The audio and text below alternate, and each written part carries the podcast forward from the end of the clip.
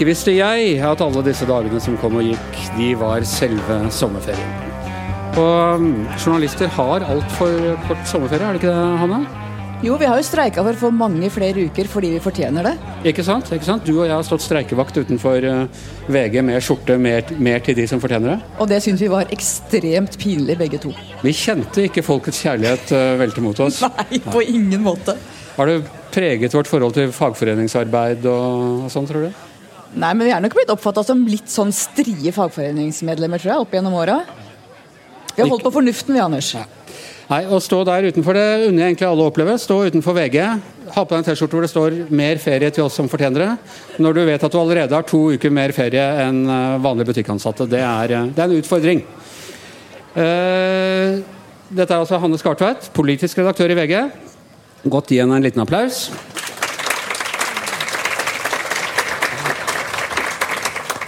Og så har vi med oss Hans Petter Sjøli, som er debattredaktør i VG.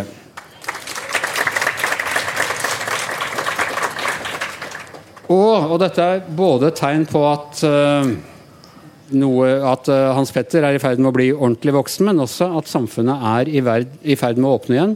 Hans Petter har vært på Gardermoen i dag og sendt sin eldste sønn til Phoenix. Nest eldste. Nest eldste til Phoenix. Hvor, eldste, hvor var du sendt han igjen? Det er Trondheim. Til Trondheim. Dette er en trist dag for Hans Petter. Ja, og Veldig trøtt dag, for jeg var på Gardermoen klokka halv fem i morges. Men det er altså, samfunnet er i gang igjen, og ungdommen drar ut for å utdanne seg og, og få andre, andre, impulser. Og vi øh, regner dette egentlig som, som åpningen på, på, valgkampen, slik vi kommer til å dekke den her i, i Gjever og gjengen gjennom, øh, gjennom høsten. Uh, jeg må si, Hanne, jeg har litt sånn blanda forhold til norsk valgkamp. Det er ikke alltid jeg syns det er så veldig spennende. Du liker amerikansk bedre? Bare det vil jeg, altså 100 millioner ganger mer spennende med amerikansk valgkamp enn med norsk valgkamp. Men i år er det faktisk litt, litt spennende. Og hva tror du det er som kommer til å bli avgjørende uh, i årets valgkamp? Er det ulikhet? Er det klima? Er det bensinavgiften? Hva er det som er uh, er veldig farlig å spå så rett før, for da husker jo alle hva jeg har sagt. Eh, men jeg tror nok kanskje den sentrum-periferi som Senterpartiet har gjort seg store på, er kanskje litt på vei ned. Og nå kommer denne klimarapporten, så kanskje det er veldig veldig bra for eh, vår gjest utpå dagen, eh, MDG-folka. Og så tror jeg nok kanskje ulikhet også, i hvert fall er det som venstresida er veldig opptatt av å gjøre til en stor sak. Og det tror jeg også kan ha et visst gjennomslag hos folk flest. For uh, Tone Sofie Aglen, uh, som nå er på Senja med, med Jonas Gahr Støre, hun sa her i podkasten tidligere denne uka at er, så langt så har det ikke egentlig vært en grønn bølge, det er en ganske rød bølge som nå skyller over uh, norsk politikk. Og det er Arbeiderpartiet på vei tilbake, men fortsatt små i forhold til det mange av oss kan huske. Og de har avgitt mye til, både til SV og til Rødt. Ja, og det er klart at Dette med ulikhet har blitt en veldig viktig tema både i Norge, men også internasjonalt. Det begynte kanskje særlig i USA, hvor ulikheten har vokst veldig veldig, veldig i forhold til hvordan det var 50-60-tallet, hvor det var stor utjevning. og Nå har det bare blitt kjempegap. Og Det ser vi jo her også, så det tror jeg blir et viktig tema. som er det Arbeiderpartiets slagord her, For nå er det vanlige folk sin tur. Det tror jeg mange kjenner seg igjen i. Ja. Har ikke alle det? Folk flest og vanlige folk og folk du kjenner. og det er liksom... Jo, men Noen har større troverdighet enn andre på akkurat det. da. Ok, uh, Hans Petter. Uh, hva er det, for Alle er enige om at dette er en spennende valgkamp, men hvorfor er den spennende? Er det ikke helt opplagt at det blir et regjeringsskifte etter åtte år med Eh, med en regjering som har hatt regjeringsslitasje og vært gjennom litt av hvert. og Sånn er dynamikken i, i politikken? Jo, jo, men det er du som påstår at den er så spennende. Okay. Eh, jeg, vet, jeg, vet, ikke. Det er, jo, det er, jo, litt vår oppgave å si at det, i år blir det utrolig spennende. Da. Men uh, nei, altså, det, er jo, det, er jo, flere ting. Det handler jo om sagt det, men også det med de uh, småpartiene som jeg syns er veldig interessant i år. Og kampen selvfølgelig om sperregrensa. Men du har et fenomen Rødt som vokser kraftig. Uh, du har eh, selvfølgelig MDG nå, som kan få en omdreining med den rapporten som kom uh, forrige dagen her. Og du har forhold til hva skjer med KrF, som kanskje nå forsvinner i praksis nesten ut av norsk politikk. så, så det, det, er mange sånne spenningsmomenter. Og så tror jeg nok likevel at vi det, jeg, liker jo ikke, jeg er jo utdannet historiker, så jeg vil egentlig ikke spå, men jeg tror jo det er ganske stor sjanse for at det blir regjeringsskifte. Det, det ligger jo an til det. Føler at du ikke går er helt vill og crazy om, ja. du, om du spår det. På den annen side Vi følte vel at det ikke skulle bli noe brexit, og vi følte vel at Hillary Clinton skulle bli uh... ja, Det er jeg uenig i. Jeg følte at det ble brexit for lenge siden. Og ja. det var en mørk dag. Ja. Og, jeg, og jeg følte Anders at det ble Trump. Hanne følte at uh, det ble Trump, og hun vant mange vinflasker i kommentaravdelingen på det. Såpass mye, mye kan vi si. Uh, vi har uh, gjester her i dag. Og, og, vår første gjest er en partiveteran, men i år står han ikke på valg. velkommen, arbeids- og minister Torbjørn Røe Isaksen. Takk. Jeg kalte deg næringsminister på Facebook i går. skjønner du? Ja, altså, ble... jeg... Nå sa du arbeids- og minister. Ja, det, ja, arbeid. Du arbeider, og du er minister. Um, hvordan er det hvordan er det å gå inn i verden, eller Norges mest spennende valgkamp uh, Akkurat nå? som politiker for regjeringspartiet uten å være med? Det, det, er, eh, det er, litt som uh, Hva skal man si? Det er jo som å, som går gå i bokseringen, og så er det ikke, som personlig for meg så er det, jo ikke så, det er jo ikke så mye på spill på den måten at jeg skal ikke på Stortinget. Men eh, det føles, det føles egentlig gøyere enn før. Ja, ja. Fordi? Fordi at jeg står ikke på en stortingsliste. så da er det jo Det er litt sånn no holds barred. Jeg har ingenting å, jeg har ingenting å tape. Så Men, det kommer til å bli helt utrolig mye sykt, som jeg sier i løpet av denne valgkampen. Du er ute med en ny bok. Ja. Som på mange måter er en gammel bok. Eh, og HP og jeg ble plutselig usikre på i dag har han skrevet en ny bok om konservatisme. Ja. For da vi googla for å finne den, så nei, det var den han kom med i 2011. Men, men, det, men hva, så sa... klarte Håpe som er bedre til å google enn meg, og funnet at nei, det er en ny en også. Ja, det, det, sa kona mi også. For jeg sa at jeg har begynt å skrive på en bok. Så spurte jeg ok, hva skal den handle om. Så sa jeg at den heter 'Hva er konservatisme?' Eh, i Universitetsforlagets serie. Og så sa hun Hæ, skal du skrive den en gang til?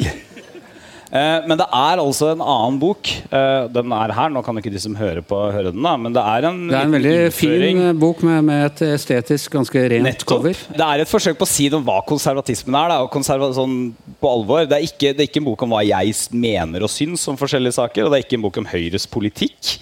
Eh, det er en bok om en tradisjon, en av de store ismene våre, som nå er jo egentlig kommet litt tilbake. ikke sant? Donald Trump eh, Jeg mener at han nok ikke er noe konservativ i noe meningsfull forstand, men han er jo de facto leder for det som kaller seg den konservative bevegelsen i USA. Men det er Mange jo en disse... radikal bevegelse? Jo, det er det jo også. Det er jo derfor jeg mener at han, en, en sånn barrikadestormer som er mer enn villig til å valse over alle institusjoner, ikke i noe meningsfull forstand kan kalles konservativ, men han er nå allikevel de facto den de fleste som erklærer seg som konservative USA ser på som sin leder. Definerer du deg på samme side som han i politikken? Nei, det, det gjør jeg overhodet ikke. Eh, men jeg mener at eh, det er viktig å Hvis man skal skrive en bok om en måte å tenke på, eh, en ideologi, så kan man ikke bare skrive om hva man selv syns er bra og fint. Da må man skrive om hele bredden i det. Og det fins autoritære konservative. Mange av de eh, høyrenasjonalistiske, populistiske bevegelsene som har vokst fram i Vesten, har åpenbare konservative trekk. Og mye av det som forener dem, er jo en slags tanke om at vi har forlatt noe som var veldig flott. Hvorfor, hvorfor, var det så viktig med dette ordet 'again' igjen hos Donald Trump? Jo, fordi det vekker en assosiasjon til noe som er blitt borte. Vi hadde det en gang, men nå er det tatt fra oss. Men er ikke det egentlig reaksjonært? Altså er konservative er liksom Da skal du forandre for å bevare, og da steller du i rosehagen og klipper bort de døde kvistene og passer på at rosene Mens hvis du er reaksjonær, så da skal du reversere. Da skal du ansette en egen minister for å skru, stenge alle de nye sykehusene og åpne, åpne lokalsykehus eh, rundt omkring igjen. Ja, det, vet du hva? Det, nå burde jeg jo sagt at dette må man lese boken for å finne ut. Da. Det er jo en slags spenningsroman, eh, dette her. Få et par spoilere, om vi kan. Men, jo, men, men, det er jo det gode spørsmålet. Altså, det er jo en av de tingene som jeg da forsøker å beskrive i disse bøkene, som jo skal være litt akademiske, men samtidig tilgjengelige for folk flest, som uh, vår tidligere regjeringspartner sier. Og det er jo en viktig skille, da. For hvis du tror at det er mulig å skru tiden tilbake og gjenopprette noe som er borte, så er det jo egentlig en like stor utopist som de utopistene på venstresiden, altså tilhengerne av et drømmesamfunn, av de som tror at du kan skape kommunisme eller gjenskape fortiden eller år null. Men, men, er det ikke det vi ser litt nå? Altså, eh, Tucker Carlson, f.eks., eh, som jo mange tror kan bli en presidentkandidat en gang. Eh, på Fox News. På Fox News i USA. Han reiser da ned til Viktor Urban i Ungarn, ja. og, og, eh, så, som jo åpenbart har, har autoritære ambisjoner. Eh, ja. Illiberal, som han kaller seg. Ja. Eh, det, det blir en konservatisme som på en måte går over i det reaksjonære? ikke det? Det er det helt åpenbart. Uh, og derfor er, det, derfor er, det, når man skal se på hva konservatisme er, det, så, må man, så, må man, analysere det og se at er, det er både Viktor Orman, som er grunnleggende illiberal, og som en, representerer på mange måter en tankegang som er veldig farlig for det liberale demokratiet, og det er uh, Erna Solberg og Angela Merkel og Boris Johnson. Du, jeg bare lurte på, I og med at du er, er ismemannen vår, eh, bare se litt på, på, norsk politikk. og Man ser at liksom, ideologien er borte, og sånne ting, men du har jo tendenser i alle partiene. De er jo alle vokst ut av en ideologi. Um, hvem vil du si er de konservative partiene i norsk flora, bortsett fra Høyre, hvis du da ikke ser på sånn Eh, altså, hvis, hvis, man tar utgangspunkt i den konservatismen som jeg skriver om i denne boka, så er det Høyre som, Høyre som kaller seg det. Ja. Åpenbare konservative elementer i Senterpartiet, i Kristelig Folkeparti, i deler av Fremskrittspartiet. Hva med SV? Ikke på den måten. Uh, og, og, og, jeg tenker, altså, ja. Mulig å bli fornærmet nå. Jeg tenker at du ja, kunne ja. vært SV-er. At du bare er litt sånn Men ja, da blir jeg faktisk ikke bare altså. fornærmet. Altså. Vi kan møtes utafor etterpå. ja, se hvor du kan putte den SV ser jeg frem til, uh, herr uh, minister. nei, altså, men, men, men, SV er altså, det, det er en det, Som på folkemunne så kan man jo si det at et parti som vil reversere mye, man kaller ofte det konservativt, eller, eller ta Rødt, da, som nå har gjort gjort seg, De er reaksjonære. Ja, men har gjort seg, ja, på en måte. Men gjort, laget seg en nisje på at alt det partiet deres, eller i hvert fall forgjengeren, ble grunnlagt i opposisjon mot, nemlig sosialdemokrati, den norske modellen, klassesvik, som det jo var, det er nå normen og malen som man skal vende tilbake til. De prøver, å rappe, de prøver å rappe Einar Gerhardsen. Det er helt fascinerende. Ja, det, det er jo utrolig. At det er enda mer utrolig er det jo at ikke flere forsvarer stakkars Einar Gerhardsen. Jeg er helt enig. Helt enig. Eh, det, det må jeg jo si altså, men, men, men, det er en annen type det er, det er, litt sånn konservatisme på folkemunne, men poenget her er at det er Altså, disse, disse partiene er sånn i sin sjel progressive. Sånn sosialdemokratiet eh, det ligger i essensen til sosialdemokratiet at de skal, de skal fremover, de skal bygge, de skal eh, være på lag med liksom, arbeiderbevegelsens frihetsverdier. Og du ser det veldig godt i disse moralske, etiske debattene hvor f.eks. KrF er involvert. Hvorfor, hvorfor, er det så vanskelig for Arbeiderpartiet å se for seg et type formalisert samarbeid med KrF? Jo, fordi at selv om de kan samarbeide på masse på økonomi, og sånn, så er sosialdemokratiet progressivt. I bunn og grunn, De kan ikke være på lag med disse tilbakeskuende kreftene i Kristelig Folkeparti. Det bryter med hele sjela deres.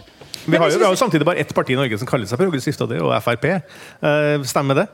At de er The, er the Progress Party. Ja, Fremskrittspartiet. De som skal fram De som skal skape være på lag med framtida. De hadde jo ikke så mye å velge mellom. Det var liksom Anders Langes parti var det de hadde, og så måtte de jo ha et eller annet. da Reformpartiet. Men, uh, Men hvis du snakker om sjela til et parti, altså hvor er det blitt av den konservative sjela i Høyre? Altså er Erna som Jeg sitter jo her. Erna, jo, jo, du er sjela. Du er sjela. Erna har en retorikk som mer og mer går inn mot sentrum, det sosialdemokratiske. Er Høyre nå mer enn Erna? Ja, ja det, det, vil jeg si. Altså, definitivt. Uh, men, uh, men, Erna er jo ikke altså, Erna er jo ikke en ideologisk politiker på den måten. Uh, på godt og vondt. Hun er en veldig pragmatisk politiker, og det er i og for seg en konservativ tradisjon for det også. At hun er litt sånn vi må finne praktiske løsninger på ting. Og så har jo de løsningene en valør. altså De går jo en bestemt retning. Men, uh, men hun er jo ikke ideologisk som sådan. Men, um, men Høyre, Høyre, som alle andre partier, så er jo Høyre mye forskjellig.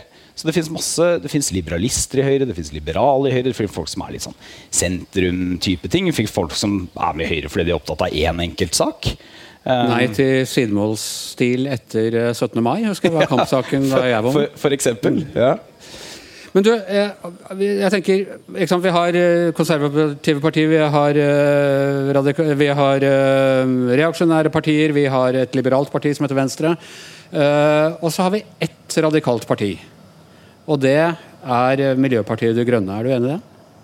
Jeg ville kanskje sagt uh, to, men uh, Hvem er det andre? Nei, jeg ville slengt med Rødt. Uh, på sånn grunnleggende radikale. Okay. Ja, fordi forandringene ville bli store. for 15 år siden, men ikke Men i hvert fall Velkommen til den største radikaleren her oppe, i hvert fall. Ja, ja. Eivind Trædal fra Miljøpartiet De Grønne. Og det er jo Gratulerer med veldig gode meningsmålinger eh, i dag. Der kom de! Endelig. Ja, ja. 5,9 i dag i Dagens Næringsliv. Veldig fornøyd. Og 5,1 hos oss, ja. tror jeg. Ja, Kan godt takke for det òg. Det er veldig, veldig gøy. Ja, Tusen takk for det. Og så har vi blåst halve valgkampbudsjettet for at jeg skulle være med her nå. Så det er litt sånn spennende hva slags utslag det gir. da og, øh, og, man må jo nesten også si gratulerer med den nye klimarapporten til FN. Det viser seg ja. altså at verden står her er, Dette hadde ingen av oss hørt om før. Verden står overfor en utslettende trussel. Og denne rapporten som forteller om dette, blir presentert altså rett før valget. Ja, den, eh, Det var det andre halvdelen av valgkampbudsjettet. Å få de til å vente litt med det. Det skulle egentlig komme i fjor, og så ble det utsatt pga. korona. Men uh, En august nei. surprise. nei, men det er jo selvfølgelig jeg, jeg, Vi snakka om det før sending, at du, du, kan bli yrkesskada og jobbe med miljø. At jeg hadde en bekjent husker jeg, Natur og Ungdom som var sånn når Deepwater Horizon-ulykka skjedde i mai så sa vedkommende sånn Håper olja fortsetter å flyte litt inn mot valgkampen nå, at ikke det liksom dabber ut. ikke sant? Det, sånn skal man jo ikke tenke. Men det er jo selvfølgelig bra i våre øyne at det kommer opp ordentlig. da. Og Sånn er det jo av og til i politikken at ting virkeligheten av og til blander seg litt inn òg. Når vi er opptatt av å snakke om spill, og sånn, så skjer det ordentlige ting i verden som faktisk styrer agendaen. Og det er jo for så vidt veldig bra og viktig, synes vi, sånn på generelt grunnlag, da, uavhengig av vår oppslutning. Jeg ser jo at Dere kjører ganske hardt nå på at dere er de eneste som vil uh sette sluttdato mm. eh, for oljen. Alle de andre progressive partiene de tør ikke med alt det de lover å, å sette noe sluttdato. Mm.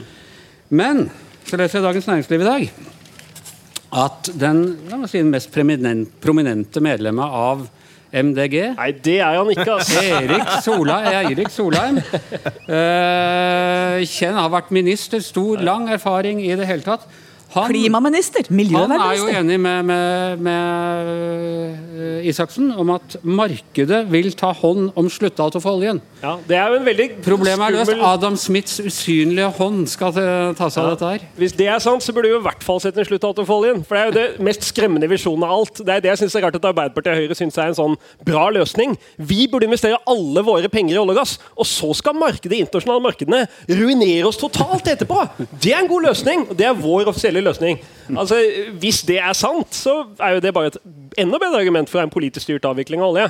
Så Jeg skjønner ikke helt hvorfor den ideen om at Norge skal dette må da spørre Erik stille oss som om. sårbare på en måte for markedskreftene er riktig. og skal jo sies at Erik Solheim er veldig glad for at han føler seg hjemme i vårt parti. Han har jo ikke noe verv, han er jo ikke noen talsperson for oss. Men det er jo artig å høre hans resonnement rundt dette her. Men det er jo da ikke det partiet vårt mener, da. Eh, har dere så, noe eksklusjonsparagraf? Eksklu jo, vi har en eksklusjonsparagraf. Det, det, må alle partier eh, etter hvert skaffet seg, sikkert. Jeg, jeg, tror er, jeg, tror det er, på sin plass å gratulere MDG med Erik Solheim. Ja. Men det er én ting jeg lurer på, Tredal. Ja. Det er hvordan blir verden et bedre sted dersom vi vet at det fortsatt kommer til å være etterspørsel av olje og gass. Dersom Norge slutter, og det eneste som leverer olje, er møkkaregimer som Saudi-Arabia, Iran, Russland, hvordan blir verden tryggere og bedre uten Norges demokratiske olje? ja, hvordan blir ikke sant? Hvis det er etterspørsel etter gratis arbeidskraft, skal Portugal da slutte å selge slaver til Brasil? Er ikke det bedre at de slutter på sine kolonier og driver med slaveri? Skal de slutte med sine fine slaveskip hvor de har litt mykere håndlenker? er ikke det bedre at de gjør det? Altså, jeg synes du det er mener oljeproduksjon er som moralsk korrupt argumentasjonsform. fordi at hele poenget er at olje og gass ødelegger klimaet og framtida til ungene våre. Og du kan like gjerne som en, eh, for å bruke et annet betent eh, resonnement, si som en eh, narkolanger at jeg er mye greiere på hele bør kjøpe heroin av meg, men selve rusmiddelet, selve stoffet, er farlig.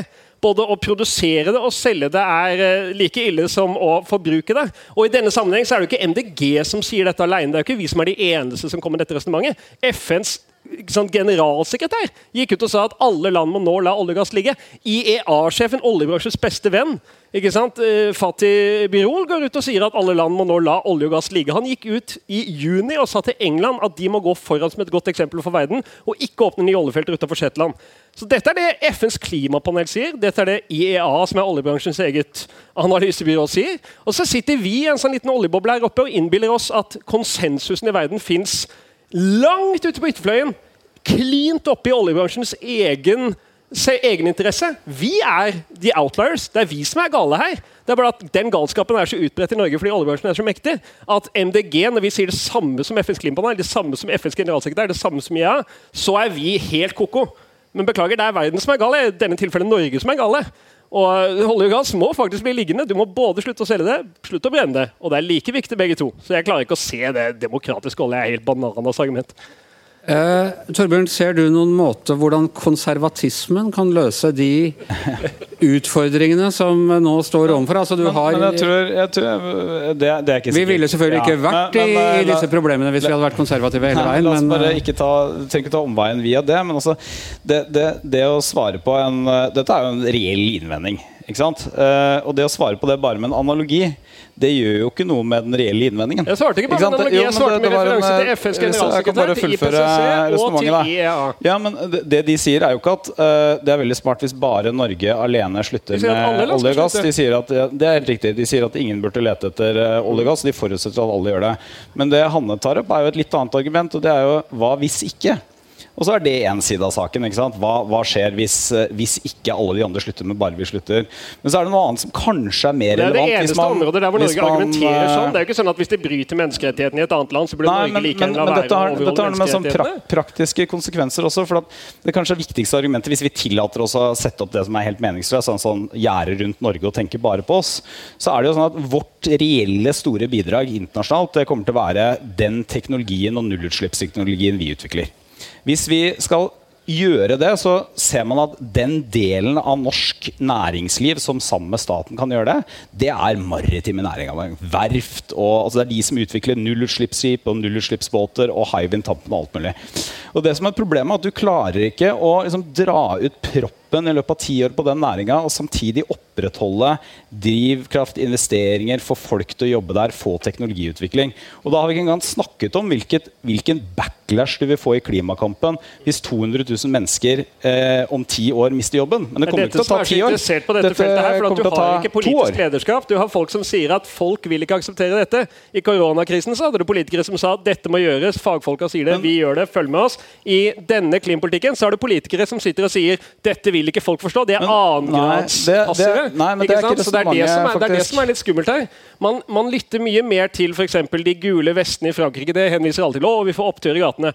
Ja, Hva med de millionene av klimastreikerne som gikk i gatene? Det var flere folk. Det var en større folkemobilisering. Men av en eller annen grunn så er alltid motstanden mot klimahandling noe politikerne er reddere for. Og Da legger man altså mer vekt på den type opprør enn man gjør på klimaopprør, som jeg tror er en veldig feil Men, men jeg, tror, jeg, tror, jeg, tror, er, jeg tror ikke dette handler om liksom noe så enkelt som at bare dette er folk mot, så da vil vi ikke gjøre det. Vi er masse som, jeg tror ikke folk er for eh, økning av CO2-avgiften heller, hvis du tar en måling på det. Jeg tror Spørsmålet er hvordan skal du klare å reelt sett få bærekraftig klimapolitikk klimapolitikk. Og da er det liksom tre argumenter som, som blir liksom analogier man får svare med. Da. Det ene er dette verden produserer olje, hvorfor skal vi slutte? Hvordan skal du utvikle teknologien uten drivkraften i den delen av samfunnslivet? Og så er det hvordan skal du hindre at en, en så ekstremt radikal miljøpolitikk ikke bare får en totalt backlash fordi at Folk mister jo ikke jobben om ti år. Altså Hvis du faktisk vedtar at du skal ha en sluttdato for olje, så slutter penger og investeringer og arbeidsplasser begynner å renne ut med en gang. Men backlashen kommer uansett i form av ekstremvær og i form av de konsekvensene som kommer. Altså, det vi ser nå, da, for å bare gjenta det vi har dessverre en diskurs i Norge om oljebransjen som er veldig preget at Norge er et land altså Vi er en oljebransje med et land mer enn et land med en oljebransje. Media er fullstendig innsausa i oljebransjens egen logikk, og partiene er det. NHO og LHO går ut sammen og sier vi skal bevare oljebransjen, vi skal ikke ha utlysninger av nye olje, eh, vi skal ha utlysninger for all framtid. Og det er på en måte noe som vi må klare å gjennomskue snart. Vi må bruke denne rapporten til å ta et kritisk blikk på oss sjøl og skjønne hvor langt inn i en boble Norge er kommet. Vi er blitt liksom et lite sånn petrostat i Norden som er helt fjernt borte fra den liksom, logikken resten av verden begynner å følge nå. Det er det jeg er bekymra for, at vi nå får en situasjon hvor veldig mange partier låser seg fast i en tenking som er utdatert med 10-15-20 år. Da. Men er du bekymra for at uh, din til tider relativt radikale retorikk og, og MDG, som jeg sier, temmelig radikale uh, maktutøvelse i Oslo, som er på en måte er imponerende Jeg har sett partier komme og gå, og de har lovt både det ene og det andre, og stort sett så har det ikke blitt noe særlig forandring. hos MDG bare sånn fra dag én så var det bort med biler, og, uh, og syklistene overtok. Uh, er du redd for at det rent taktisk, selv om dere kanskje har si at, det, at dere kanskje har rett, at det må eh, radikale ting til, men at den radikale retorikken i seg selv eh, skremmer folk bort? For du må jo tenke taktisk her ja. Ja, ja. Og man skal, for, man skal, skille mellom på en måte problemet og folk, f.eks. Det syns jeg er viktig. ikke sant? Det er veldig viktig å ikke demonisere nå, og det ønsker jeg heller ikke gjøre. Jobber du med olje, så skal du ha både respekt for det, og du skal ha hjelp til å komme deg over i nye jobber. Det er liksom ikke folka sjøl som er problemet, og det ser jeg jo at mange prøver på. Å skyve på en måte arbeiderne foran seg, eller å si at er du mot norsk oljeutvinning, så er det mot norske arbeidere. Det tror jeg ingen i MDG er. Man er heller ikke på en måte opptatt av å ruinere folks liv, men det er veldig viktig tror jeg, når man nå ser at vi har gått ut av en koronakrise. Apropos at vi har vært gjennom kriser, Torbjørn, så er det en annen på, på vei. Da. Det er liksom det som er greia. Vi har hatt korona, vi har hatt finanskrise, og så kommer da klimakrisa. Og I koronakrisa så var det veldig forbilledlig at man turte å si veldig tydelig fra og ha et lederskap at dette må gjøres selv om det smerter. Jeg synes det er veldig interessant at Du kan stenge ned alle skolene, stenge ned idretten, du kan nekte folk å besøke vennene sine, du kan nekte folk å ha et selskap hjemme, og så kan du ikke skru opp prisen på bensin med én krone. Ikke sant? Det er bare et Jeg har jo gjort det, da. Det har, har, du fulgt bensin? Den er ikke skrudd opp så mye som at markedskreftene gjør det. Det har ikke skjedd noe spesielt med den avgifta nå, men poenget er bare at Vi vil jo gå opp, da. Den vil forhåpentligvis gjøre det, med mindre vi nå får en svær eh, liksom, allianse med de grå partiene som, som nekter det. Men poenget er i hvert fall det er helt absurd. og Hvordan skal du forklare ungene som nå har sittet hjemme og ikke fått lov til å være på skolen eller dra på trening et år pga. et virus, at vi ikke kommer til å løfte en lillefinger for klimaet? Unnskyld meg! Unnskyld meg! Unnskyld meg! Nå skal jo alle pensjonistene tilbake og for, si farvel til barnebarna og dra på feriehuset sitt i Spania. Det vil jo alle de nå. Nå skal jo de ut og fly. Eller, på Sandøya, for den der. Ja, Sandøya kan vi ta toget til. Altså, hvis ikke vi har hatt det oljeinntektene som vi har, så hadde vi ikke kunnet komme oss gjennom koronakrisa som vi har gjort. Det er du enig i? Nei, de andre landene har jo også kommet seg gjennom. De har klart oss relativt mye bedre enn mange, andre land. Ja, og vi har gitt 100 milliarder til oljebransjen, sånn at vi kan gjøre klimakrisa verre. da, for å komme oss ut av koronakrisa. Dette men, er jo en, Vi straffer de unge, og så skal de gamle dra på sydentur til Gran Canaria og si uh, sayonara og lykke til med klimakrisa. Det er ja, nå har jeg nettopp sendt min unge, unge sønn til USA. Det syns jeg er en veldig fin ting. Men du vil da forby det. Uh, uh, en annen ting, Mener du at i tråd med en del av retorikken, mener du at Torbjørn her er en klimafornekter? I praksis er Høyre det i den grad de nekter å ta inn over seg at vi må la olje ligge for klimaets skyld. Ja. Det mener jeg helt åpenbart er i strid med FNs klimapanels konklusjoner. Så det gjelder da ikke bare Høyre, det gjelder alle de andre men, norske partiene? Ja, skulle, skulle, ikke demonisere, demonisere så mange, bare Det er ikke en demonisering. Det er, hvis men, men du fornekter jo, den konklusjonen tror, fra FNs klimapanel, så du, fornekter du en del av deres konklusjoner. Ja. Det gjør du. Okay, ja. Du er ikke en klimafornekter per se, men, men du fornekter da åpenbart en sentral del av budskapet. Eh, litt av, litt av, problemet se, det er jo De fleste grønne partier i Europa opererer jo ikke på denne måten. De fleste grønne partier i Europa de prøver å bli store. Og så inngår de koalisjoner med andre partier. Men de forholder seg til eh, seriøse konservative partier, da, sånn som, som Boris Johnson og Erna Merkel er mye mer seriøse enn det Høyre Jeg visste at han kom til å snakke for mye, Anders. Men, men, men, men problemet, problemet med altså Én ting er denne liksom, tanken om at det er, det er bare MDG. Ingen andre. Ikke Venstre, ikke jo, jo, jeg skjønner det, men det er liksom bare MDG. Så det er bare 5% eller 6% eller kanskje 6,5 av velgerne akkurat nå som skjønner at klimakrisen er viktig. Jeg er litt usikker på hvor riktig og smart det er, for å si det forsiktig. Det det men det andre er at det beste som kan skje for klimaet, det er jo, altså, Så sant man da ikke antar at liksom MDG vil få 51% over så lang tid at man kan gjennomføre politikken. Men det er at dette blir politikk som alle partier er for. Mm, og det, og hvis det du hadde, hvis du hadde gått at tilbake og sett Venstre, på KrF, SV og Rødt er nå enige med MDG at vi må stoppe alle nye utløsninger i alle felter. Det Ja, er en helt men- ny utvikling som har skjedd Men- de siste par årene. men- men har- Så der har vi lyktes i å få med oss mange flere partier, Ja. og det er akkurat den strategien vi har fulgt. Så det har vært veldig men, vellykka. men hvis, du ser på, hvis du ser på det som har skjedd i norsk klimapolitikk de siste 10-15 årene altså Hvis noen har gått og sagt at Høyre kommer til å gå til valg på å øke CO2-avgiften og øke bensin- og dieselavgiftene for ja, ti år siden, så hadde folk sagt ja, folk hadde ledd av det. Hvis du hadde sagt at Høyre skal bruke milliarder av statlige kroner i et statlig altså subsidier til næringslivet for karbonfangst og -lagring, så hadde man sagt at dette er jo stikk Men motsatt hvis du av hadde sagt at utslippene hadde stått på stedet hvilt fra 1990 utslippene til i fjor gikk ned fem, har gått ned fem år på rad. og Vi er, Ja, har vi er jo tilbake I Norge har det gått ned 1990-nivå. 3,9 siden 1990. I Sverige har det gått ned 30% I Danmark har det gått ned 40% og i EU-snitt har det gått ned over 20% siden 1990. men poenget- det er ikke en stor suksesshistorie. Det er jo helt håpløst. Poenget er at klimagassutslippene går ned, og de kommer til å gå ytterligere ned. Men poenget mitt er bare den måten MDG driver politikk på. Men det, det, altså, det kan godt hende det i vil bli. Jo, men det er jo det er i og for seg relevant når du liksom skjeller ut nei, hele nei, resten av Norge Men dere, for å ok, ikke okay. forstå eh, det. Debatten er nyttig hvis man ikke klarer å ta den saklige som debatten. de, hvert som, de, som de alltid sier, vi blir ikke enige om dette her. Eh, Men, men eh, er du enig Torbjørn, at det må radikale grep Ja, til? ja, det er jeg enig i. Og, og hvor, hvor radikale Jeg vil jo ikke kalt dem radikale som sådan. Jo, men det er, det, altså, dette, er, dette er den største, største trusselen som menneske... Altså, ved siden av sånn atomkrig og en del sånne ting, så er det den desidert største trusselen som eh, menneskeheten står overfor. Og det kommer til å innebære at vi i løpet av en relativt kort tid eh, er nødt til å bytte ut hele bensinen og drivkraften i økonomien vår. Eh, Men jeg tror jo at MDGs måte å gjøre det på er ikke bare tungvint, jeg tror den er kontraproduktiv. Altså jeg, tror det er en, jeg tror det vil føre til en dårligere miljøpolitikk. Og jeg tror det vil føre til at vi i praksis har mindre å bidra med enn det vi kan gjøre med en annen måte. Men har ikke alle radikale bevegelser som på sikt har fått rett, blitt møtt med det argumentet? Jeg er enig i at eh, de svarte i sørstatene skal, men det må ikke gå så fort fram. Jo, og det må ikke så, man må, folk må få venne seg til. og det er, er, ikke, er det ikke men nettopp jo, de utålmodige og radikale som Men, men det er ikke det som har skjedd. verden for fremover? Alle radikale bevegelser som har fått gjennomslag, de har gått inn i hovedstrømmen. Det er da de får gjennomslag.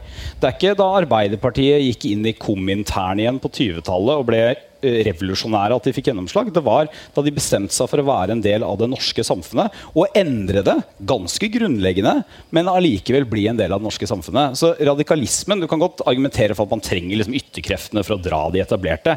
Ja, ja, alle samfunn trenger det, men det er når du blir hovedstrøms at du faktisk får til endringer. Men for- Når skal dere gå ut av kommentaren og inn i Høyre? Nei, altså, det første vi gjorde da vi fikk eh, en viss oppslutning i Oslo, var å gå inn i byrådet. Det har vi jo fortsatt med. Og for så vidt også klart å doble avslutningen vår ved forrige valg. Det er vi fornøyd med. Så det ser jo ut som det funker veldig bra. Vi er jo et maktsøkende parti.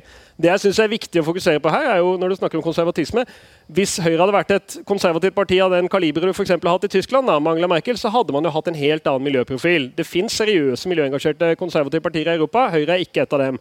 Og når det kommer til sant, MDGs strategi inn i alle disse valgene her, så er vår strategi å si det som er sant, også når det er upopulært. Det har vi gjort i mange år nå. Så ser vi at den siste klimarapporten og FNs budskap er helt i tråd med det vi har sagt. Og det kommer nok som et sjokk på mange som har tenkt at dette valget her trenger ikke å handle om den type ting.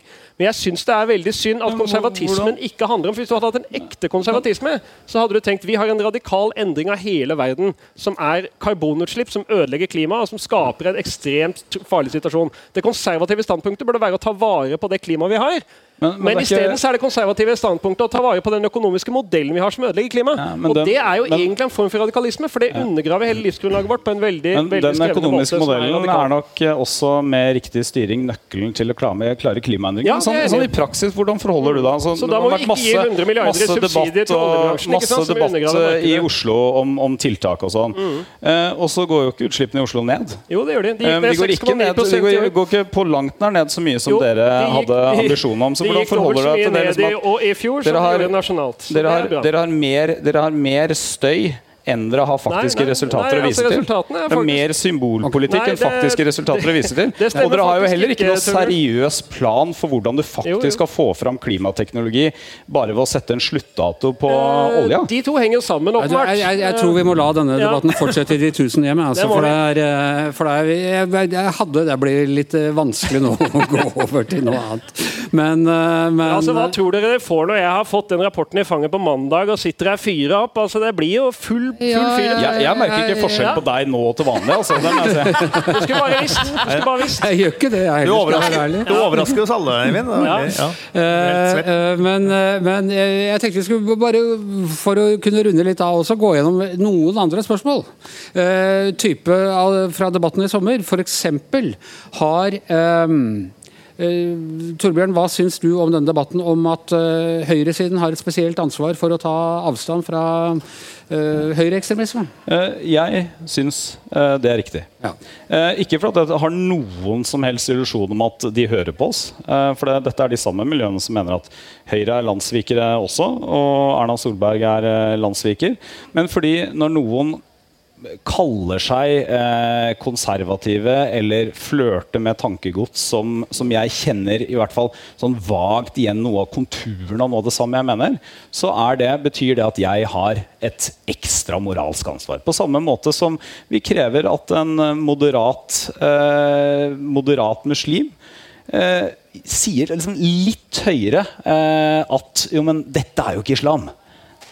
Og og det har vi opplevd akkurat nå, med, med han eh, imamen i, i eh, Drammen. Uh, hva syns du, Eivind? Har ja. venstresida vært gode nok til å, til å, gå ut mot han? Det, ja, jeg vet ikke om det er helt Det ville vel være mer logisk at det var muslimske trossamfunn som burde gjøre det, men jeg er i hvert fall helt enig med logikken. Uh, men, men, det er jo også er jo, altså, Venstresiden har jo hatt en større tendens ja. til å liksom, vi, vise en sånn kulturell forståelse ja. for, og vi må tolke dem i beste mening. Og... Ja, nei, jeg, jeg, har ikke fulgt med på hvor flinke de har vært, men jeg er i hvert fall helt enig i logikken om at i den grad et standpunkt grenser opp mot ditt eget, så er det enda viktigere å ta tak i det. Så Hvis noen hadde sprengt en oljeplattform i morgen og sagt at jeg var veldig enig med Eivind, så ville jo jeg tenkt at det var riktig og enda viktigere for meg å gå ut og markere motstand mot det. da. Nå er det ikke sånn at uh, høyreekstreme nødvendigvis sier at de er enig med partiet Høyre, men det er stadig litt den der ideen om at ens eget utland er ens eget ekstra ansvar. da. Og Det syns jeg er synd at den debatten stranda litt, for det var veldig gode håper å si, eh, oppspark der. Så glad du sier det, Tummeren. Det kunne, tror jeg Erna kunne vært enda tydeligere på. men det, ja. Men Du går jo ofte tyngre inn i debatter på nettet enn ja. en, det ja. mange andre gjør. Altså, skjønner Du den der, altså, du har jo ja. skrevet en bok om det, hvordan du vinner debatten uh, på nett. De som ikke der, kan, de skriver om det. Ja, ja, jo, ja men, altså, men, men, den derre driven etter å vinne altså, mm. Uh, at ikke, man ikke klarer å gå og legge seg før man har fått siste ord i en internettdebatt? Liksom. Jeg tror ikke det er så mye det, men jeg tror det er helt genuint det at ungdommen har tilgang til interessefellesskap som i noen tilfeller er veldig ekstreme. Altså, du har jo da I Bærum så har du Manshaus som ikke vokste opp så veldig langt unna de to IS-jentene. Som begge to er inne i det samme på en måte, prosessen hvor de blir radikalisert via nett. sånn at det er jo noe som sier noe om f.eks. Man kunne spørre ungdomspartiene Nå har de hatt en runde om eh, prosedyrer i forhold til seksuell trakassering. Hva gjør dere mot radikalisering? Hva gjør dere hvis en eller annen person dere kjenner eh, ser ut til å være ute på dypt vann? liksom? Det er også noe flere, sikkert også ungdomspartier og politiske bevegelser bør tenke igjennom. Fordi vi ser at det der er såpass eh, skummelt. Jeg syns for øvrig at VG skal ha en liten kudos der, for at mange aviser har stilt seg veldig på en sånn overordna analyse, kjøligplanen i forhold til den diskusjonen. Og Der har jo VG med sitt verdigrunnlag folk skal ha vært ganske tydelige på lederplass og kommentarplass. og Det tror jeg faktisk er viktig. da. At det, det er jo en verdidiskusjon dette òg, til en viss grad, som man må på en måte ha en viss egen pondus inn i, og ikke bare stå og være linjedommer. som, som noen kanskje... Det er veldig hyggelig at du roser leder- og kommentaravdelingen i VG. Det er, nå også en, brukerundersøkelse ja. ute på vg.no slash gjengen, hvor den typen ros også kan, kan skriftlig nedfelles. Men med det så tror jeg vi, vi takker for, eh, for, oss her i bakgårdsgjengen eh, med, med Gjever og gjengen. Tusen takk til Eivind Tredal og Torbjørn Røe Isaksen. Tusen takk til Hans Petter Sjøli. Tusen takk til Hanne Skartvedt. Jeg heter Anders Gjever, og mannen som blir sittende uansett valgresultat, er som vanlig vår produsent. Gi ham en applaus, Magne Antonsen.